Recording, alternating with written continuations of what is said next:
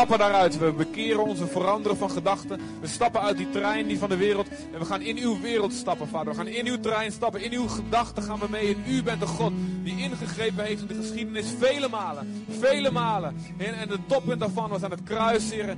Heer, en de opstanding van Jezus. En in die kracht van die opstanding wilt u uw hand uitstrekken. Om ons genezing te geven, om ons te helpen. En om ons te bemoedigen, om ons te vertroosten. En omdat u van mensen houdt. Om uw mensenliefde. Dus in de naam van Jezus, als gemeente, leggen wij de handen op. Ik wil je vragen, leg, de handen op de, deze mensen. Jessica, Daan en Michael, in de naam van Jezus.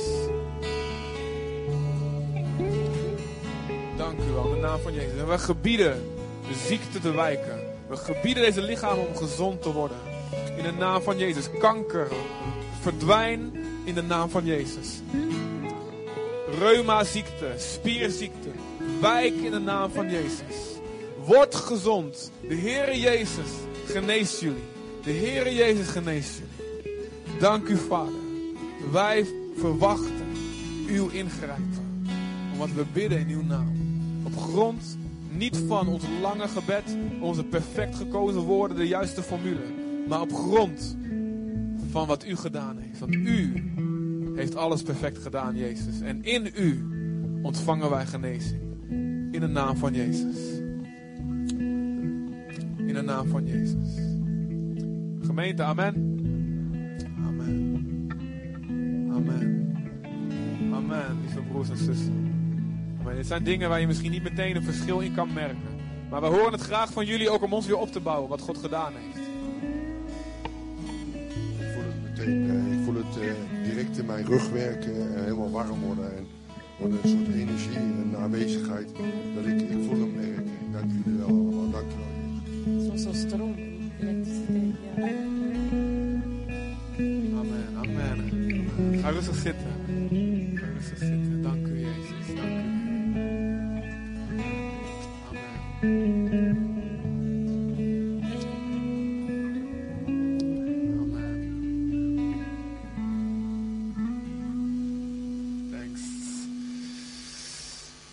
Amen, dank u, Heer. Hmm.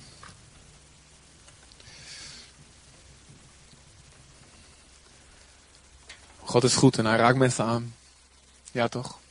Amen, jongens. En, ehm oh.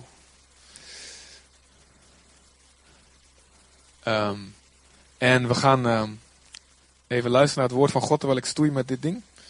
Nee, niet terwijl ik daarmee stoei, maar eh, misschien kan iemand mij even helpen dit ding stabiel neer te zetten, want hij valt om.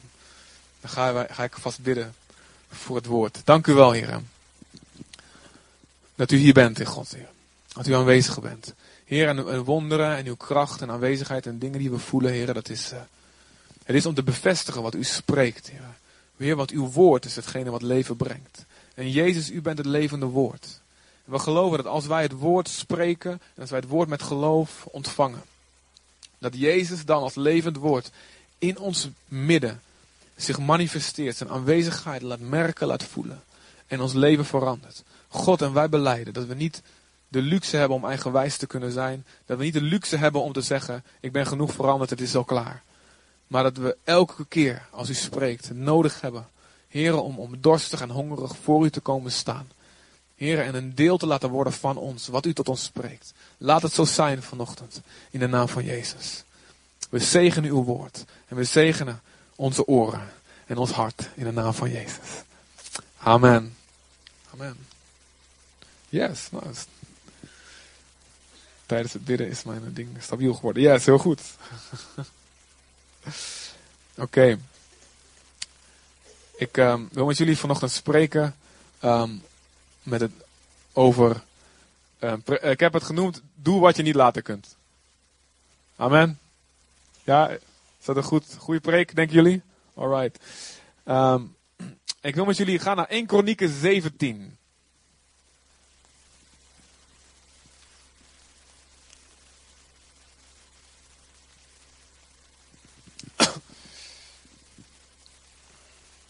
...1 Kronieken 17, alright. En ehm, sommigen van jullie zoeken dat op en de beamer zoekt dat op. En terwijl we dat doen, wil ik jullie vragen, iets wat we nog niet gedaan hebben... ...om eventjes ehm, 30 seconden even de mensen voor en achter je en naast je even een hand te geven en eh, welkom te heten en goedemorgen te zeggen, want dat hebben we nog niet gedaan. Het is wel een goede gewoonte. Zodat we niet als vreemden voor en achter elkaar zitten. Dus eh, steek eventjes eh, die stoel over. Helemaal kerel. Je mag vrouw zei dat je nodig had. Of iets. Als jij dan kan je dat meteen de vers zetten. Ja, 1 Kronieken 17 vanaf vers 1. En dan gaan we een heel eind door.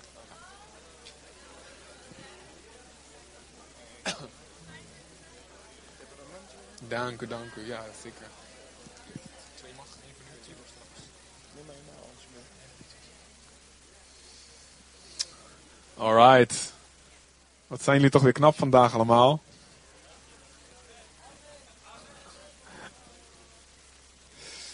We hebben een sexy gemeente, ja toch? Vooral mijn vrouw weer vanochtend, echt geweldig. Dank u heer. Oh ja, het woord, het woord, oké. Preek, ja. 1 Kronieken 17, het gaat over David die ehm, het idee opvat om een tempel te bouwen. En jullie hebben net de plek gezien, dat was wel heel mooi. Eh, de plek gezien waar hij gestaan heeft. Waar de tempel van God gestaan heeft, oh, de Tempelberg, waar dus nu die moskee staat, eh, die gouden koepel. en waar één deel van de bijgebouwen nog staat, één muur, dat is de klaagmuur. Waar de, de Joden nog steeds dagelijks komen om te bidden. Voor de komst van de Messias en ook de herbouw van een tempel. En uh, het idee van de eerste tempel, dat, hoe dat komt, dat kun je hier lezen in dit hoofdstuk. En ik wil dat gaan, um, een, een verband gaan leggen, zoals God het eigenlijk voor mij gedaan heeft, tussen uh, wat wij bouwen in ons leven. Dus als wij het hebben over tempel, dan um, gaat het natuurlijk ten eerste over de tempel van toen. Um, ten tweede gaat het over de tempel die God aan het bouwen is. En dat is, dat zijn de twee dingen worden de tempel genoemd in de Bijbel. Als, uh, uh, de kerk wordt de tempel genoemd. Een, een gebouw wat stenen zijn die aan elkaar gevoegd worden. Als je kijkt naar de, naar de zijkant hier zo, dan zie je die stenen die een beetje schots en scheef op elkaar staan. Maar samen vormen ze een mooie muur. Nou, zo zijn wij ook. Jij bent de steen, de andere is de wat groter dan de andere. Uh, maar allemaal zijn we levende stenen en kunnen we gebruikt worden voor de bouw van een geestelijk huis, zegt de Bijbel. Tegelijkertijd is ons leven ook ieder apart een tempel. Dus als we gaan hebben over een tempel bouwen, dan kun je denken aan, aan de kerk, maar ook aan, aan je eigen leven. Misschien je huwelijk, misschien je gezin, misschien een bedrijf wat je aan het bouwen bent, een idee of een droom die je aan het najagen bent.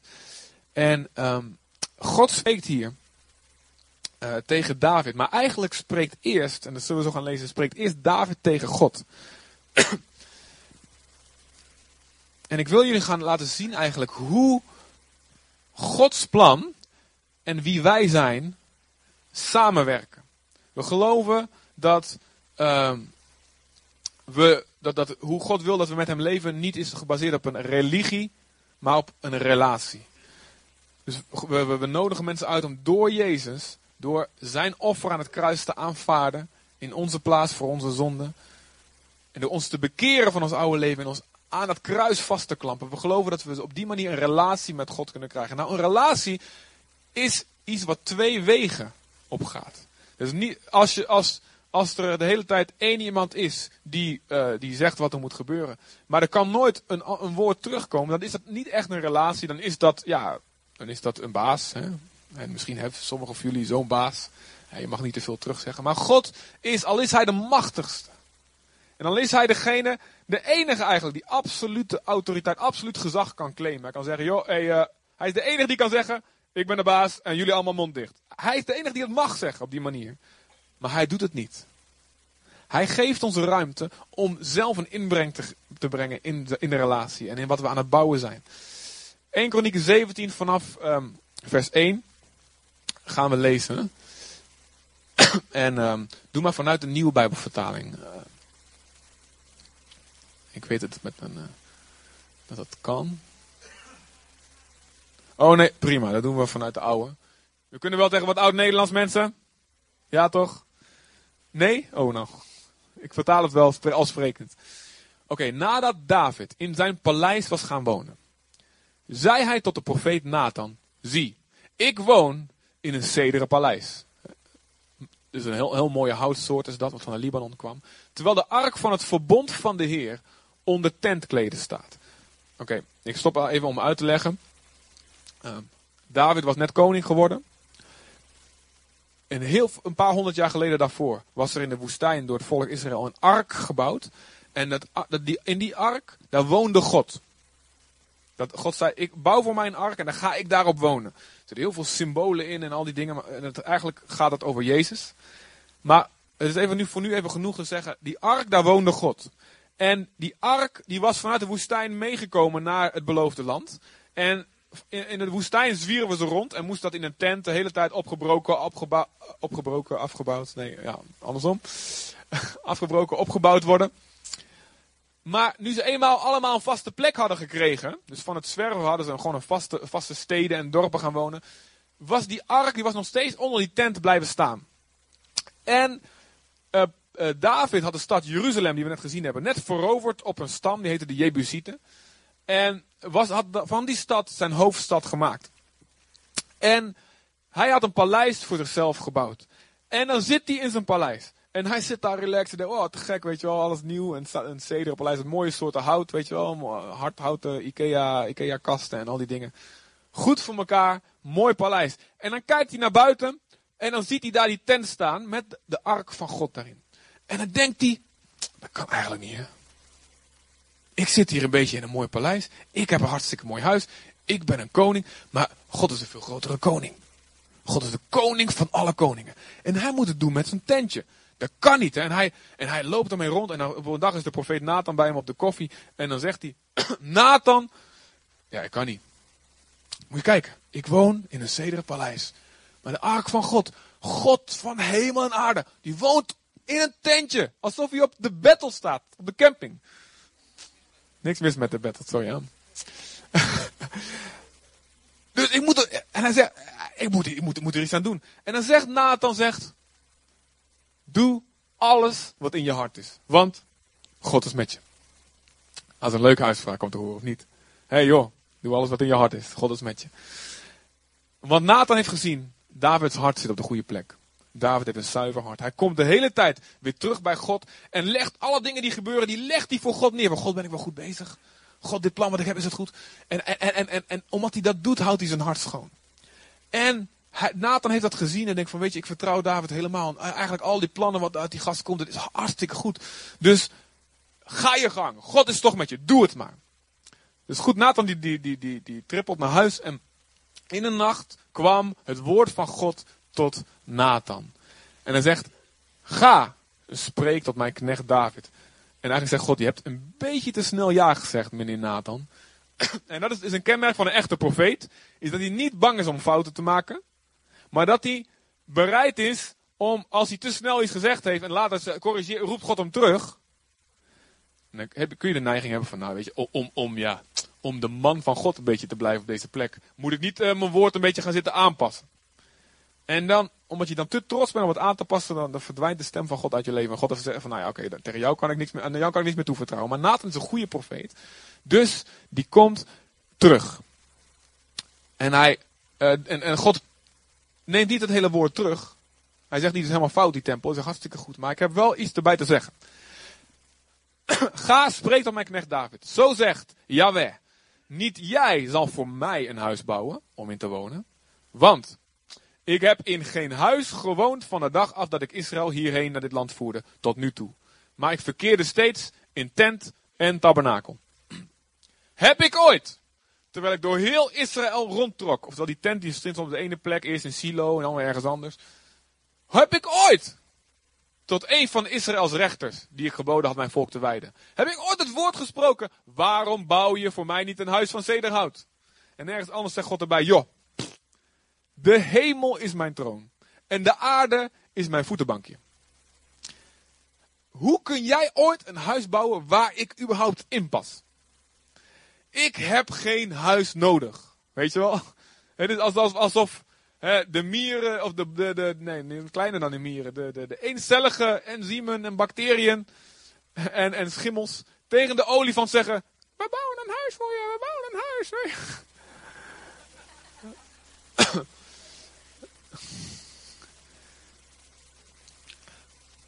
En God zegt, joh, heb ik er ooit om gevraagd? Ik heb er helemaal niet om gevraagd. Ik hoef helemaal geen huis. Maar goed, dan gaat hij verder. Uh, halverwege. Uh, nu dan. Zo moet je spreken. Hè, Nathan, zo, Nathan, zo moet je spreken tot David. Zo zegt Yahweh van de hemelse machten. Ikzelf heb je gehaald uit de weide, want hij was een herder. Van achter de schapen. Om vorst te worden over mijn volk Israël. En ik ben met je geweest. Overal waar je gegaan bent. En al die oorlogen die hij gevoerd had, had behoorlijk wat aangevallen. En al je vijanden heb ik voor je uitgeroeid. En ook zal ik u een naam maken gelijk die van, aan die van de grootte van de aarde.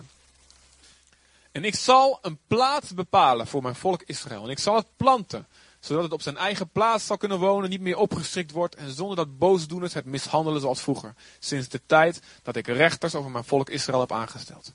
Ik zal al je vijanden onderwerpen. En ook kondig ik u aan, ik de Heer zal voor jou een huis bouwen. Dus hartstikke leuk dat je een huis voor mij wil bouwen, maar ik ga voor jou een huis bouwen. Ook kondig ik je aan, uh, uh, sorry, wanneer uw dagen vervuld zijn om tot uw vader heen te gaan, dan zal ik je nakomeling na jou doen optreden. Eén van je zonen, en ik zal zijn koningschap bevestigen. Hij zal voor mij een huis bouwen en ik zal zijn troon voor immer bevestigen. Even tot hier. Oh, nou, nou oké, is goed, we zijn er al. Ik zal hem tot een vader zijn en hij zal mij tot een zoon zijn. En mijn goedheid en liefde zal ik niet van hem doen wijken, zoals ik haar van uw voorganger heb doen wijken. Dit gaat niet over mij, maar over koning Sal. Nee, heer, niet doen. ik zal hem voor altijd in mijn huis en in mijn koninkrijk aanstellen. En zijn troon zal vaststaan voor altijd. Oké, eventjes terug naar de vorige. Dus God zegt. Wat zegt God? Hartstikke leuk dat idee van het huis, maar ik heb het niet nodig. en hij zegt, joh, niet jij bouwt voor mij een huis, ik bouw voor jou een huis. En de zoon die na je komt, hem zal ik bevestigen. Staat hier. Um, so, ja, uh, nee, de, uh, de, als ik naar de vorige kan. Um, mm, nog, een, nog eentje terug. 12, yes. Ik zal je nakomelingen na jou doen opstaan, een van jouw zonen. Ik zal zijn koningschap bevestigen. Ik zal hem, hij zal voor mij een huis bouwen en ik zal zijn troon voor altijd bevestigen. Oké, dit is twee keer vervuld. Salomo is degene die na David de tempel mocht bouwen. Want God zei erbij, het staat ergens anders niet in dit stukje. God zei erbij, hij gaf, namelijk, dat lees je niet heel snel hierin, hij gaf wel toestemming voor, het, voor de tempel. Bouw die tempel, ga ervoor. Goed idee. Maar hij zei er ook bij: Jij mag het niet doen, David. Je hebt te veel bloed aan je handen. Je hebt oorlogen gevoerd. En ja, ik ben met je geweest daarin. Maar het is niet zoals ik het oorspronkelijk bedoeld heb. En daarin wordt al aangekondigd. Wat na Jezus zou er een tijd zijn dat wij als, als, als dienaren van God niet meer letterlijke oorlog en slagvelden en bloed moeten vergieten. Maar dat onze strijd geestelijk is. Dus hier wordt al eigenlijk het geweld wat in het Oude Testament nog voorkomt. God die kondigt eigenlijk al aan, het is nu noodzakelijk, maar het is niet de bedoeling. En om die reden mag David geen huis bouwen. Maar Salomo, dus zijn zoon, na hem, die heeft de tempel afgebouwd. En maar er staat, ik zal zijn koningschap voor altijd bevestigen. Salomo is uiteindelijk, heeft hij God verlaten. Op, aan het einde van zijn leven, omdat hij allemaal vrouwen trouwde. Hij verzamelde vrouwen, had een hele collectie had hij uit alle landen. Sommigen zeggen in elk stadje een ander schatje. Uit elk land had hij er eentje. En wat er gebeurde, God had hem daarvoor gewaarschuwd, dat moet je niet doen. Hij heeft het toch gedaan en uiteindelijk is hij al die afgoden van die landen is hij gaan vereren en is hij van God afgeweken. Jezus wordt genoemd de zoon van David.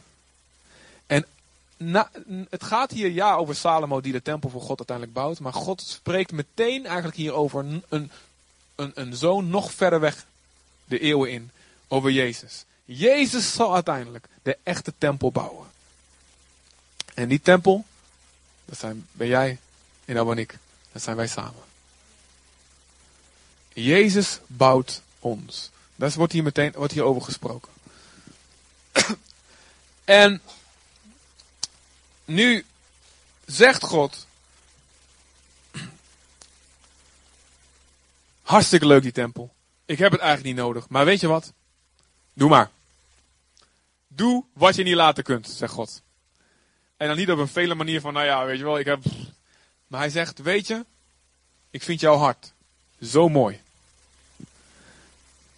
Ik vind het zo geweldig dat je dit plan voor mij hebt. Ga daarvoor. En ik ga het zegenen. En dit is belangrijk, want heel veel mensen denken van, nou, eh, alles wat er gebeurt in mijn leven, daar moet ik een briefje uit de hemel voor hebben. Ik moet precies, eh, eh, wat, wat ik op mijn boterham smeer, dan moet ik eh, de stem van de Heilige Geest voor verstaan. Heer, vandaag was het hagelslag, heer. Chocolade of vruchtenhagelslag. Of chocopasta of pindakaas, weet je. Heer, gaan we gaan bidden en, oh ja, ik weet het, ik weet het, pindakaas. Ik wil een profetische pindakaas, ga ik vandaag opsm eh, opsmeren. En, en het is natuurlijk heel mooi om, om dag in dag uit de stem van God te verstaan. En, en om Gods stem te verwachten in misschien de meest kleine dingen. Dat is hartstikke mooi. Dat is echt ook goed om op die manier gericht te zijn op zijn stem. Maar soms kunnen we verlamd raken omdat we denken, joh, ik mag, ik mag niks doen totdat ik 100% weet dat iets niet van mij is, maar helemaal van God. En ik heb ook wel eens ge- ergens gehoord ehm, in een preek en de hele ti- tijd heb ik gedacht van ja, dat, is, dat, is, dat, is, dat klopt ook. Er zit ook een kern van waarheid in. Maar ik heb wel eens gehoord, ja, heel veel, heel veel mensen die eh, in plaats van dat ze van God horen wat ze moeten doen, maken ze zelf plannen en dan zeggen ze nou God, zegen duurt maar even. En natuurlijk, heel veel, er zijn heel veel mensen die zonder God leven. En die gewoon dingen zelf doen zonder ook maar met God te overleggen. En die dan verwachten dat God het allemaal maar zegent. En inderdaad, dat is niet de bedoeling. We hebben een relatie, dus het is goed dat we zijn mening vragen over onze plannen. Maar je kunt ook zo de andere kant op schieten dat je zegt van nou, ik, ik, weet ik doe maar helemaal niks. Ehm, ik vind dat meisje eigenlijk leuk, maar ik stap maar niet op eraf totdat ik eh, 27 tekens en vijf engelen en, en, en drie aardbevingen gehad heb. Weet je wel? Zo van, als ze morgen één groene sok draagt en een, eh, en een paarse bruik op heeft, dan is ze mijn vrouw. Weet. En ik ben ook daar schuldig aan geweest. Nou, goed, dat de Heer is zelfs aan meegewerkt. ik zei, eh, ik Heer, als ze echt, als ze echt mijn vrouw is, dan wil ik dan. dan eh, Nee, dit, ging eigenlijk anders. Ik zei, ik zei God, ik moet, ik moet een bevestiging hebben. En midden in de nacht stond ik op. En eh, ehm, stond, ik, stond ik om naar de wc te gaan. En in één keer klonk, klinkt het in mijn gedachten. Oké, ik zal je laten weten dat ze jouw vrouw is. Morgen heeft ze een rok aan. En ik ging slapen. Ik dacht van, nou, rare stem, whatever, weet je wel. Ik werd de volgende ochtend werd ik wakker en dacht van, dat is raar. Dat is raar. Het is, was februari. En, en dan heb je geen rok aan. Dat klopt niet. Ja, het zal wel voor mezelf zijn. En toen dag, toen de dag erna, toen zag ik haar. En zij, die ochtend had ze, was ze net, eh, we kenden elkaar. We waren net, eh, net verkering. Die, dag die stond ze voor haar kast. En eh, ze dacht van, nee, ik moet niks uit mijn kast hebben. Liefst naar de kast van haar zusje. En die had net een nieuwe broekrok gekocht. Dus een broek met een rok eroverheen. Die je dus wel aan kan hebben als het koud is. En, en doet ze dus normaal nooit in de kast van haar zusje. En die ochtend voelt ze, ik moet gewoon dat aantrekken. En ik haalde erop van, het, van de trein. En, en, en we, praten onderweg. En denk ik, ik was helemaal het vergeten wat God gezegd had. En ik kijk naar haar. En ik zeg ze. En ik dacht bij mezelf, is dat nou een broek? Of is dat nou een rok? Wat, dit is een broekrok. Dit is een broek met een rok erover. En, en ik dacht, oké. Wat zij zegt dat het is, dat is het. Dus ik zei, ze was aan het praten. Ik zei, stop! Ik zei, huh, wat? Ik zei, wat is dit? ik. En ze was echt verbouwristig. Wat bedoel je? dit. Hoe heet dit? Dus misschien een of andere exotische naam waar alleen vrouwen, wat alleen vrouwen kennen, weet je, waar mannen geen kaas van gegeten hebben. Een guat de Biddequois of zo, weet je wel. Dat weet ik veel. Dus, wat is dit? En ze keek me aan. Helemaal zo van, dit is, En ze zei, een rok. Halleluja! Dank u.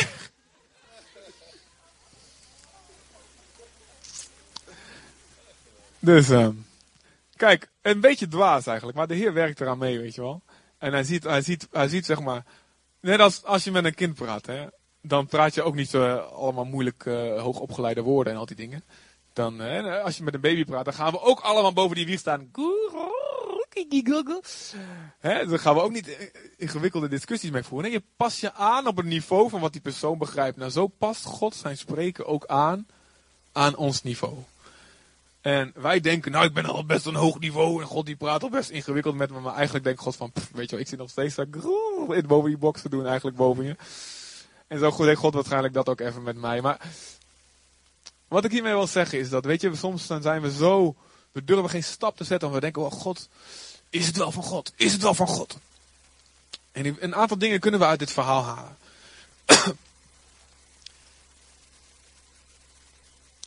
Vinden jullie nog leuk? Zeg amen. Ik zeg jullie altijd, hoe meer jullie amen en halleluja zeggen, hoe sneller ik preek. Want dan weet ik dat het overgekomen is. En hoef ik het niet nog een keer te zeggen. Dus. Heel goed. Ga even een paar hoofdstukken verder. Dan gaan we naar 1 Kronieken 28. Dan kan je zien wat er gebeurt. Ehm, als David gaat namelijk aan de slag. En hij mag de tempels niet zelf bouwen. Maar hij doet vervolgens, zijn hart is zo vol van passie. Hij doet vervolgens alles behalve het bouwen zelf. Oké, ik mag dat niet doen, weet je wel. Maar ik doe alles. Wat, God, God heeft niet gezegd dat ik geen plannen mag maken. God heeft niet gezegd dat ik niet een heel dienstrooster mag maken voor alle priesters en voor alle levieten en voor alle zangers. God heeft niet gezegd dat ik allemaal, dat ik niet allemaal muziekinstrumenten mag bouwen en allemaal de, de, de, de aanbiddingsteams had hij een hele indeling voor gemaakt. God heeft niet gezegd dat ik niet mag, mag bepalen, daar komt die kamer, daar komt die kamer. Dus hij dacht, dat heeft hij allemaal niks niet over gehad. Dus dat ga ik lekker allemaal doen. Hij was zo vol passie en God zat ervan te genieten. En God geniet ervan. Hij zegt, weet je, dit is iemand die gewoon maximaal voor mij gaat. En wat er op zijn hart is, zijn hart is zo vol van liefde, weet je. Het is allemaal goed. En wat gaat God doen? God gaat zich ermee bemoeien. Luister, wiens idee was de tempel? We hebben net gelezen. Wiens idee was de tempel? Was het Gods idee? Davids idee. Let op wat er gebeurt in 1 Kronieken 28. Dan is de tijd gekomen. David is oud, gaat bijna dood. En Salomo neemt een stokje over. En David geeft dus zijn laatste instructies. Ik weet niet of hij op zijn sterfbed deed, maar dat, staat er volgens mij niet bij. Hij in ieder geval bijna dood. Hij geeft instructies aan Salomo. En, dit, en dan zegt hij, joh, jij moet de tempel gaan bouwen. Ik heb alles voorbereid. Ik heb contracten afgesloten met de houtleveranciers. Ik heb, ik heb steenhouwers. Ik heb alles voor elkaar. Je hoeft niks meer te doen. Je hoeft alleen maar uit te voeren. Maar dat mocht ik niet doen. En dan zegt hij in uh, 1 Kronieken 28 vers uh, 11. Als het lukt op het scherm, dan is het fijn. 1 Kronieken 28 vers 11. 11 vanaf tot 13.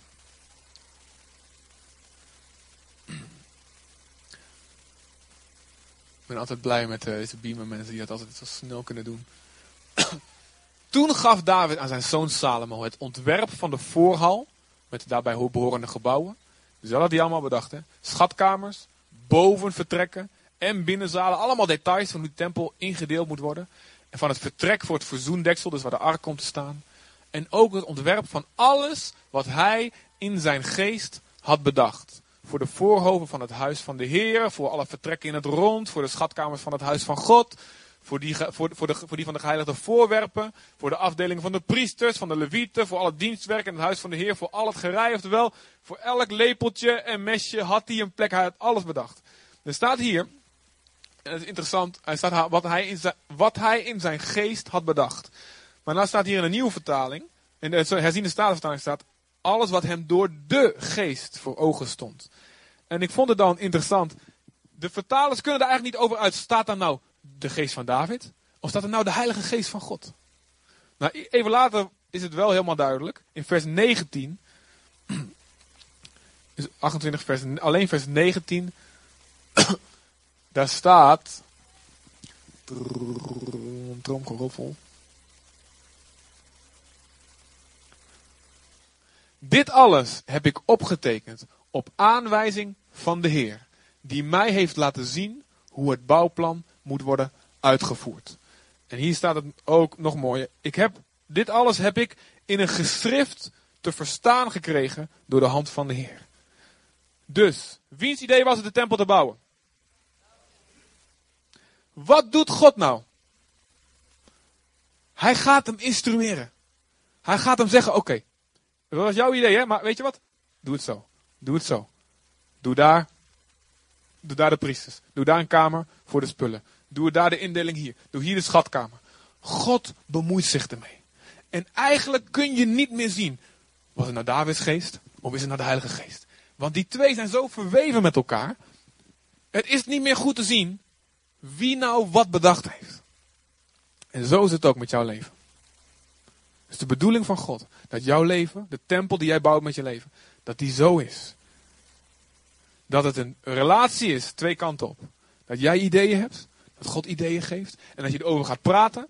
En dat je zo komt tot een geweldig mooi bouwwerk. En wat gebeurt er uiteindelijk in 2 Kronieken 7, vers 1? Daar staat, de tempel is af. En wat gebeurt er? Vuur kwam uit de hemel. En de wolk van God, de heerlijkheid van God, vult die hele tempel. En de priesters kunnen niet meer blijven staan. Dus ze kieperen allemaal om. Omdat God zo heftig, zwaar aanwezig is. Oftewel, David heeft een idee. Gaat ermee aan de slag. En God gaat hem onderwijzen. Zo moet je doen, zo moet je doen. En David wist waarschijnlijk zelf ook niet van, is het nou, heb ik het nou zelf bedacht? Is het van de Heilige Geest? Ik weet het niet. Maar weet je, het is goed. En uiteindelijk, datgene, het resultaat, God gebruikt het. God vult het. En wat gebeurt er met die tempel? Het hele volk komt naar die tempel. Het idee van David. Wat hij gebouwd heeft met zijn leven. In zijn relatie met God. Het hele volk komt er naartoe en ontmoet God op die plek. En niet alleen het eigen, zijn eigen volk, maar van heinde en ver komen ze naar die tempel. En er staat de koningin van Seba, die keek, die kwam dus uit een ver land, uit Zuid-Arabië, en die keek naar die tempel en alles wat er gebouwd was. Wauw! Ik had ervan gehoord, maar het is nog veel beter. Als dat ik hier, ik heb nog niet de helft gehoord van wat ik hier met mijn eigen ogen zie. En ze bekeerde zich tot God. En ze zei, dit, jouw God moet de echte God zijn. Oftewel, God geeft jou dromen, ideeën, plannen.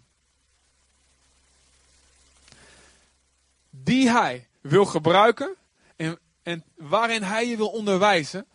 Oké, dat idee wat je hebt, doe het zo. Die droom die je hebt, dat weeshuis wat je wil beginnen, dat bedrijf wat je wil beginnen, die relatie die je wil aangaan, weet je, doe het zo, doe het zo, doe het zo, doe op deze manier.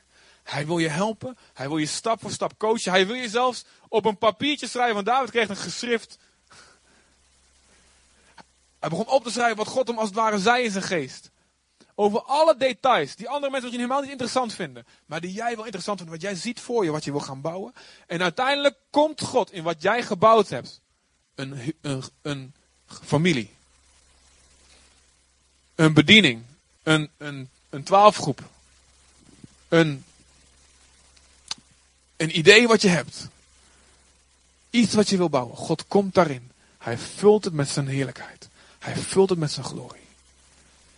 En de hele wereld ziet dat Jezus leeft door wat jij samen met God gebouwd heeft.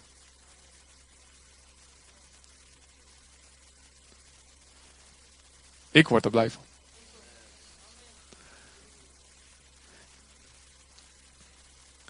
Want we zijn, we zijn in het begin. Wiens idee was die tempel? Nog een keer? David. En dat klopt. Maar toch ook weer niet helemaal. Want, en gewoon even een aantal dingen. En daar wil ik meteen ook spreken over de ideeën die bij jou opkomen. even een paar korte teksten, hoeft niet allemaal op het scherm, luister maar goed. Handelingen 17 vers 26. Daar staat, Handelingen 17 vers 26, hier sommige mensen schrijven. Daar staat, God heeft voor elk mens en voor elk volk bepaald in welke tijd ze geboren worden en op welke plek ze wonen. Stap 1. Je bent niet toevallig geboren in het. Je, bent niet, je leeft niet toevallig vandaag in 2012. Het is niet zo van, oeps, oh, eigenlijk had ik je in, het, uh, in uh, 2000 voor Christus in Egypte moeten hebben, weet je wel? Nee. God weet precies wanneer jij geboren had moeten worden. En ook de plaats. Al ben je geadopteerd, al ben je geëmigreerd, al is dat allemaal met zondige dingen die tussendoor gekomen zijn en fouten van mensen. God heeft jou hier en nu gewild. Gepland. Dan heeft hij ook nog eens een keer, Psalm 139. Hij heeft ons gevormd in de moederschoot, geweven. Oftewel, je persoonlijkheid. De fysieke bedrading van je hersenen. Of je linkerhelft of je rechterhelft van je hersenen nou, of je nou creatief bent of juist heel erg uh, technisch of wat dan ook. Of je introvert bent, extravert. God heeft je gemaakt zoals je bent met een reden. Alles heeft hij gemaakt met een doel. En in Efeze 2 vers 10 dan staat God heeft goede werken voor ons voorbereidt. Met het doel dat we daarin gaan wandelen. We kunnen er dus ook naast wandelen. Maar hij wil dat we in gaan wandelen in wat hij voor ons voorbereid heeft. Allemaal is het klaar. En daarnaast, Filippenzen 2 vers 13. Hij is degene die het zowel het willen als het werken in ons bewerkt. Oftewel, God is degene die in ons verlangens doet opkomen. En vervolgens het uitwerkt dat we in daden het gaan omzetten. Even toepassen op David. Hij wist wanneer David geboren zou worden. Hij wist wat hij van plan was met David. Hij wist wat Saul zou gaan doen. God wist dat allemaal. God wist wat er zou gaan gebeuren. Hoe die David geweven had in de moederschoot. En wat hij meegemaakt had. God wist wat er met David zou gebeuren. Als hij, hem in als hij in een paleis zou gaan wonen. En die ark zou gaan zien daar in die tent. Hij wist. Dan heeft hij zo'n hart voor mij. Dan gaat hij een tempel willen bouwen. Dat gaat hij willen doen. Dus, wiens idee was de tempel? Davids idee, ja, is geen strikvraag. Of toch wel, nee. Wiens idee was het tempel? Davids idee. Maar wie wist dat David, wie heeft ervoor gezorgd dat David het idee kreeg? Welk idee heb je op je hart voor God? Welke droom heb je op je hart voor God? Wat zie je als je naar een bepaald iets kijkt waar je een hart voor hebt? En je zegt, hé, hey, dit kan beter, dit kan anders. Wat zie je in je geest voor je? Wat laat God je zien? Wat er nu nog, je ziet het niet, nog niet echt, maar je ziet het hier. Je ziet het hier. Je ziet het hier. Wie heeft ervoor gezorgd dat je dat ziet? Wie heeft ervoor gezorgd dat jij bent zoals je bent? Bent op de plaats waar je bent? Meemaakt? Ervaring opdoet? Dingen leert? Ook zelfs door pijnlijke ervaringen heen? God weet wie wij zijn. God heeft goede werken voor jou voorbereid. God heeft een tempel voor jou om te bouwen. En God wil met jou samenwerken om dat te gaan bouwen. Wat is belangrijk? Dat je hart zuiver is. Eigenlijk het enige belangrijke. Want er zijn heel veel mensen die bouwen in de wereld. Er zijn heel veel mensen. We hebben net ook New York gezien, al die gebouwen. Er zijn heel veel mensen die bouwen. En ze bouwen om geld te verdienen. Dat is een motief. Ze bouwen om eer te krijgen van mensen. Kijk mij eens hoe geweldig ik ben. Ze bouwen om hun onzekerheid weg te jagen. Ze bouwen, mensen bouwen dingen op. En aan de buitenkant lijkt het hetzelfde, maar God weet de motieven daarachter. En de Bijbel zegt, God kent de gedachten van de mensen. Ijdelheid zijn zij, allemaal leegte. Alles wat niet gezuiverd is door de aanwezigheid van God in het leven van iemand, zal instorten. Als de Heer het huis niet bouwt, dan te vergeefs zwoegen de bouwlieden daaraan. Psalm 128. Oftewel, zorg dat je hart zuiver is. En dan, als dat zo is, doe wat je niet laten kunt. Want de verlangens die op je hart liggen, heeft God, heeft, ze komen misschien van jezelf, maar hey, God wist dat je dat idee ging krijgen. Hij heeft het voorop gezet en wij koppen alleen gewoon zijn voorzet in. Bloep. Zelfs dat doet hij samen met ons. Dus is de naam Leef op een briefje uit de hemel komen vallen. Nee. Verander de naam Le op Leef. 30 september 2012. Dank u heer. Uh, nog een briefje hier wat, uh, wat verder. Oh ja, daar komt hij op. Is, kwam er een stem uit de hemel. Een engel. Oh, leef. Amen. Wie's idee was het? Ik moet eerlijk zeggen, het was mijn vrouw. Mijn vrouws idee. Um, in een gesprek wat we samen hadden in de auto, we waren aan het rijden. En we hadden het over, we wisten al een tijdje, een nieuwe naam hebben voor de gemeente. Ik denk dat jullie de achtergrond een beetje kennen. Um, en wat, uh, wat met, met Berea gebeurd was met de rechtszaak die tegen de landelijke leiders hier zelfs in Zutphen was. En mensen die dachten van, hé, zijn jullie ook uh, op, financieel op dezelfde voet bezig als dat? Nou, ze merkten, we komen er in de, in de problemen. De mensen die, die uh, hielden hun, hun tieners of hun kinderen thuis. Daar mag je niet meer heen. En we moesten een andere naam hebben. En we wisten, we moeten iets zijn met leven, met leven. En, en toen, ze, toen, toen dit noemde, met een grote uitroepteken. Toen voelde ik, ik voelde iets van binnen. Nou, en toen kwamen we bij, uh, Dat zul je straks in de filmpje ook nog een keer horen. Toen kwam ik en ik op de, IJsselka op de en, en Jeroen, eh, die moest nou werken vandaag. Die had precies dezelfde naam. Had hij voor de jeugd bedacht. Ik zei meteen stop! Ik zet een veto op die naam. Dankjewel voor de bevestiging, zei ik. Hij, hij behaalde een beetje, maar nu is hij heel blij. precies exact dezelfde naam. En toen wisten we, ja, we zitten op het goede spoor. En vervolgens merkten we, God begon ons te onderwijzen. In hoe we het uit moesten werken. In het letterlijk het ontwerpen ook, hè, met de ontwerpers, de creatieve mensen die daarbij kwamen. En in de slogans die we eraan vast moeten hangen, die uitdrukten wie wij zijn als kerk. Leef bovennatuurlijk. Leef met je hart. En leef met een missie. Oftewel, we zijn, willen zijn mensen die bovennatuurlijk verwachten, die, die, die, die geestvervuld zijn. Bovennatuurlijk. We zijn mensen die, een kerk die, waar liefde boven alles staat. Leef met je hart.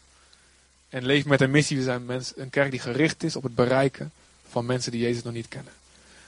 En God heeft ons daarin onderwezen in, misschien, in iets waarvan we niet, eigenlijk niet eens meer zo goed weten. Is het nou ons plan? Is het nou Gods plan? Hoe zit het nou precies? Is het wel goed, Heer? Moeten we niet gewoon altijd alles hetzelfde houden totdat we een grote engel zien? Nee, God zegt, je hart is zuiver. Ga er maar voor. En dat doen we voortdurend. We brengen ons hart voor God. Zeg, Heer, het gaat niet om, het gaat niet om ons. Het gaat niet om hoe het klinkt, om hoe het eruit ziet. Of wat, voor, wat de wereld gewoon alleen ziet. Het gaat erom. Bent u erin. En als we het doen met een zuiver hart voor de eer van God, dan vult God wat wij bouwen met zijn wolk, met zijn vuur en de hele wereld gaat hem zien. Amen. En ik wil je vragen voor je eigen leven om gewoon eventjes eh, om tijd van gebed even te nemen voor één of twee minuten. Terwijl Gerben, ik wil je vragen te komen en eh, gewoon ons eventjes eh, met je muzikanten ons helpen te richten op God. Gewoon met mooie klanken, hemelse klanken. Je mag zelf in je geest bedenken welk lied.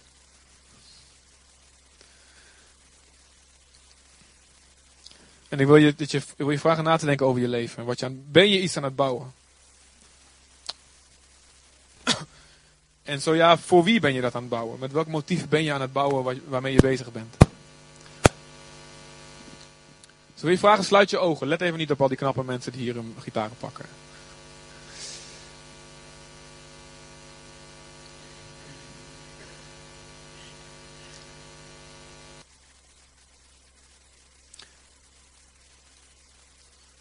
Alleen door het kruis van Jezus kan ons hart gezuiverd worden.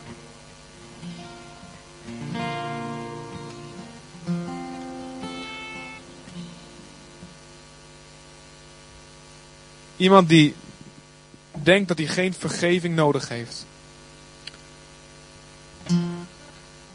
zal nooit nederig genoeg kunnen zijn van hart. Om iets te kunnen bouwen wat niet voor zijn eigen eer is.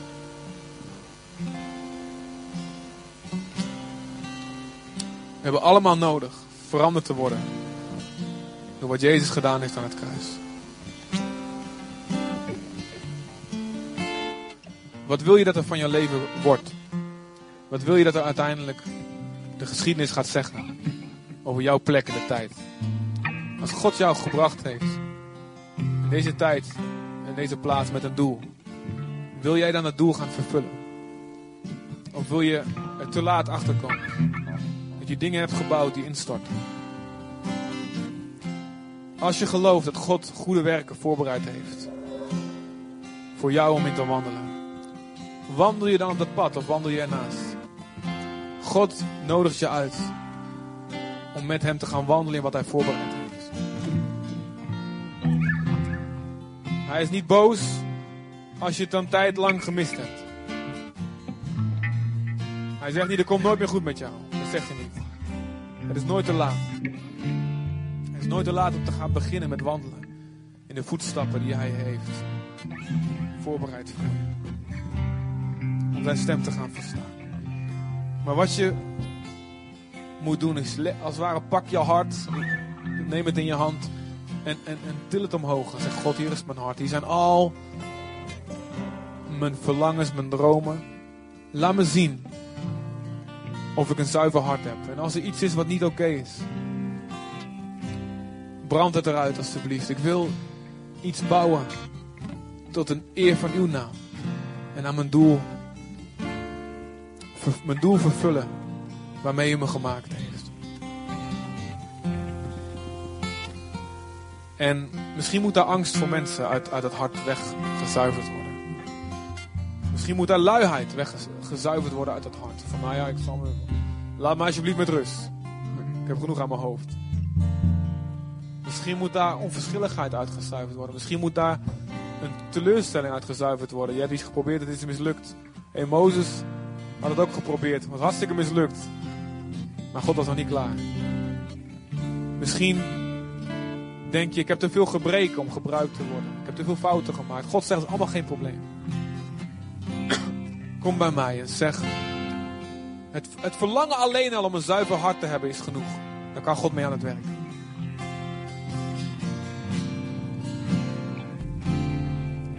Heer, we komen bij uw kruis. We beseffen, ja, Jezus moest voor ons sterven. En hij is voor ons gestorven. We hoeven niet meer naar de hel. We hoeven niet meer geoordeeld te worden om wat we gedaan hebben. Onze daden komen niet meer op, onze op ons hoofd terug. Maar het kwam op Jezus. We zijn vrij. Maar God, daar worden we zo blij van. En zo dankbaar. Dat het enige is wat we nog willen. Is iets te bouwen voor uw eer. Hier zijn we, Heer. Gebruik ons leven. En ik wil je vragen, gewoon iedereen op de plek waar je bent. Begin te bidden, begin te reageren, begin te praten met God. Hardop of voor jezelf, maakt niks uit. Maar begin te reageren. Begin hem je hart aan te bieden. Begin hem je plannen voor te leggen. Misschien iets wat je nog nooit met hem over gehad hebt. Je bent al zo lang mee bezig. Ik, ik heb er nooit met God over gehad eigenlijk. Doe het nu. God is niet boos. God zegt niet, hé, kom je er eindelijk? Nee, hij, hij snapt het. Maar hij, hij nodigt je nu uit. Kom, leg het aan mij voor. Wat bouw je? Wat wil je bouwen? Wat wil je bouwen? Loof de Heer, oh mijn ziel. Oh, mijn ziel. Prijs nu zijn heilige naam. Met meer passie dan nooit. Oh mijn ziel. Verheerlijk zijn heilige naam. Loof de Heer, oh mijn ziel. Loof de Heer, oh mijn ziel. Oh mijn ziel. Prijs nu zijn heilige naam.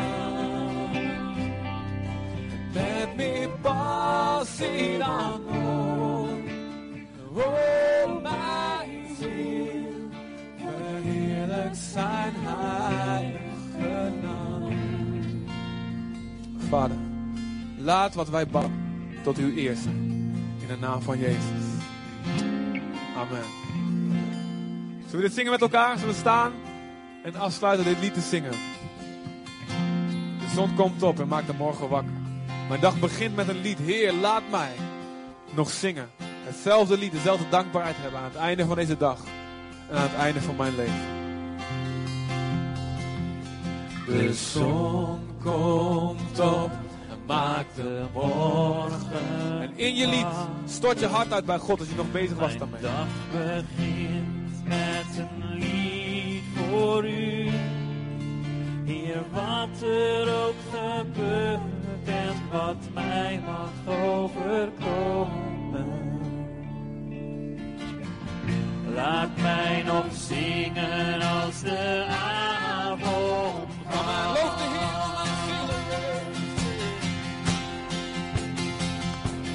Loof de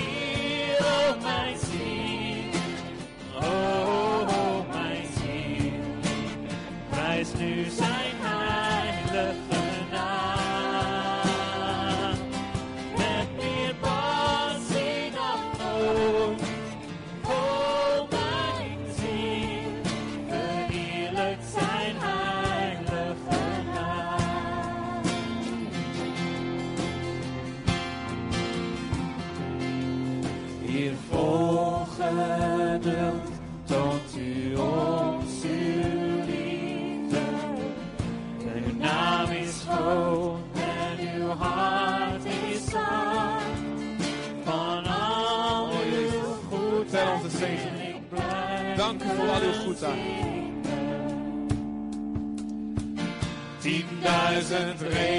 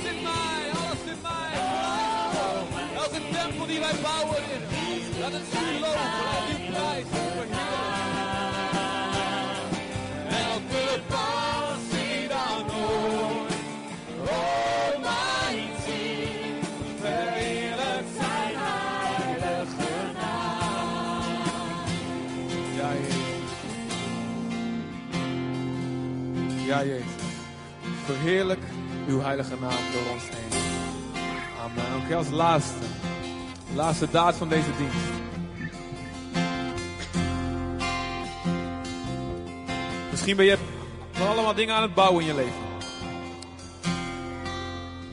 Maar je hebt nooit je leven aan God gegeven. God zegt, Kom tot mij, iedereen die dorstig is. Ik zal je water geven. Water geven, als je dat drinkt, geestelijk water. Waarna je nooit meer dorst krijgt naar iets anders. Waarin je al zegt, alleen dat water is goed genoeg. En ik wil de gelegenheid geven, zoals vaker, maar ook vandaag. Als er iemand is die zegt, ik wil vandaag markeren als een dag dat ik mijn leven aan Jezus geef. Als jij dat wil doen vandaag. Je hoeft helemaal niet allemaal dingen te weten of te snappen. Je moet alleen een keuze maken met je hart. En zeggen ja. Ik wil.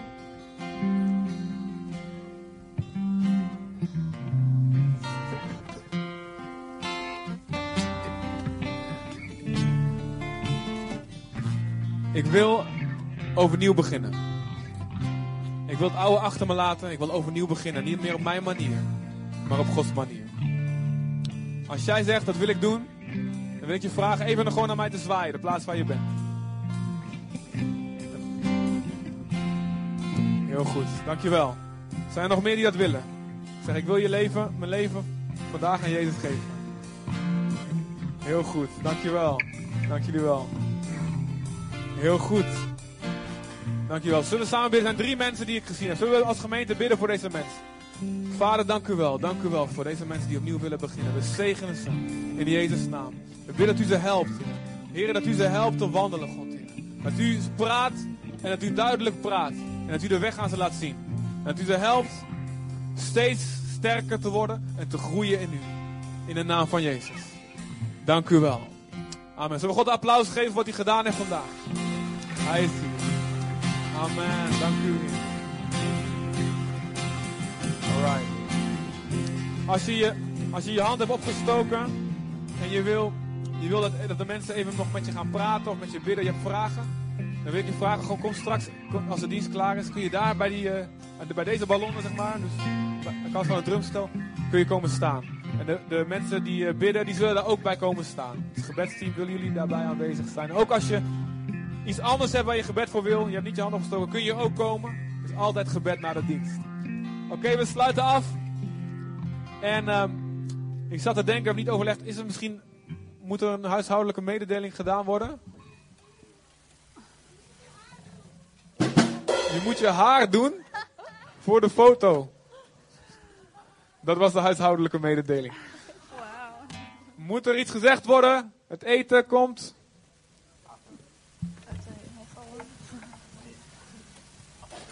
Oh ja. Als straks het eten is, willen we vragen ehm, uit eh, gewoon respect om de wat oudere mensen. En dan mag je zelf bepalen of je dat bent of niet. Wat, en, de, en, de, en de mensen met kleine kinderen, dat die eerder even mogen eten. Dus hoe grijzer, hoe eerder. Halleluja, ik heb er al een paar. Ja, als je haar geverfd hebt, jammer dan. Nee. Nee, maar dat we aan elkaar denken als het eten komt, dat we eh, die mensen en ook de gasten, dat we die eerst laten. Dus eh, hoe bekender en hoe jonger, hoe later. Oh nee, niet helemaal waar, want de mensen met kleine kinderen. Nou, goed. Goed, en dan zien we het zo vanzelf wel. En dan gaan we lekker genieten van, eh, van vanmiddag. Ja, echt geen huishoudelijke mededeling meer? Kijk even verdwaasd rond. Amen. Oké, zo kwart over twee begint het officiële stukje. En tot die tijd gaan we lekker eh, even eten met elkaar. En eh, er zullen foto's gemaakt worden. Nou, kijk maar straks wat je allemaal ziet gebeuren.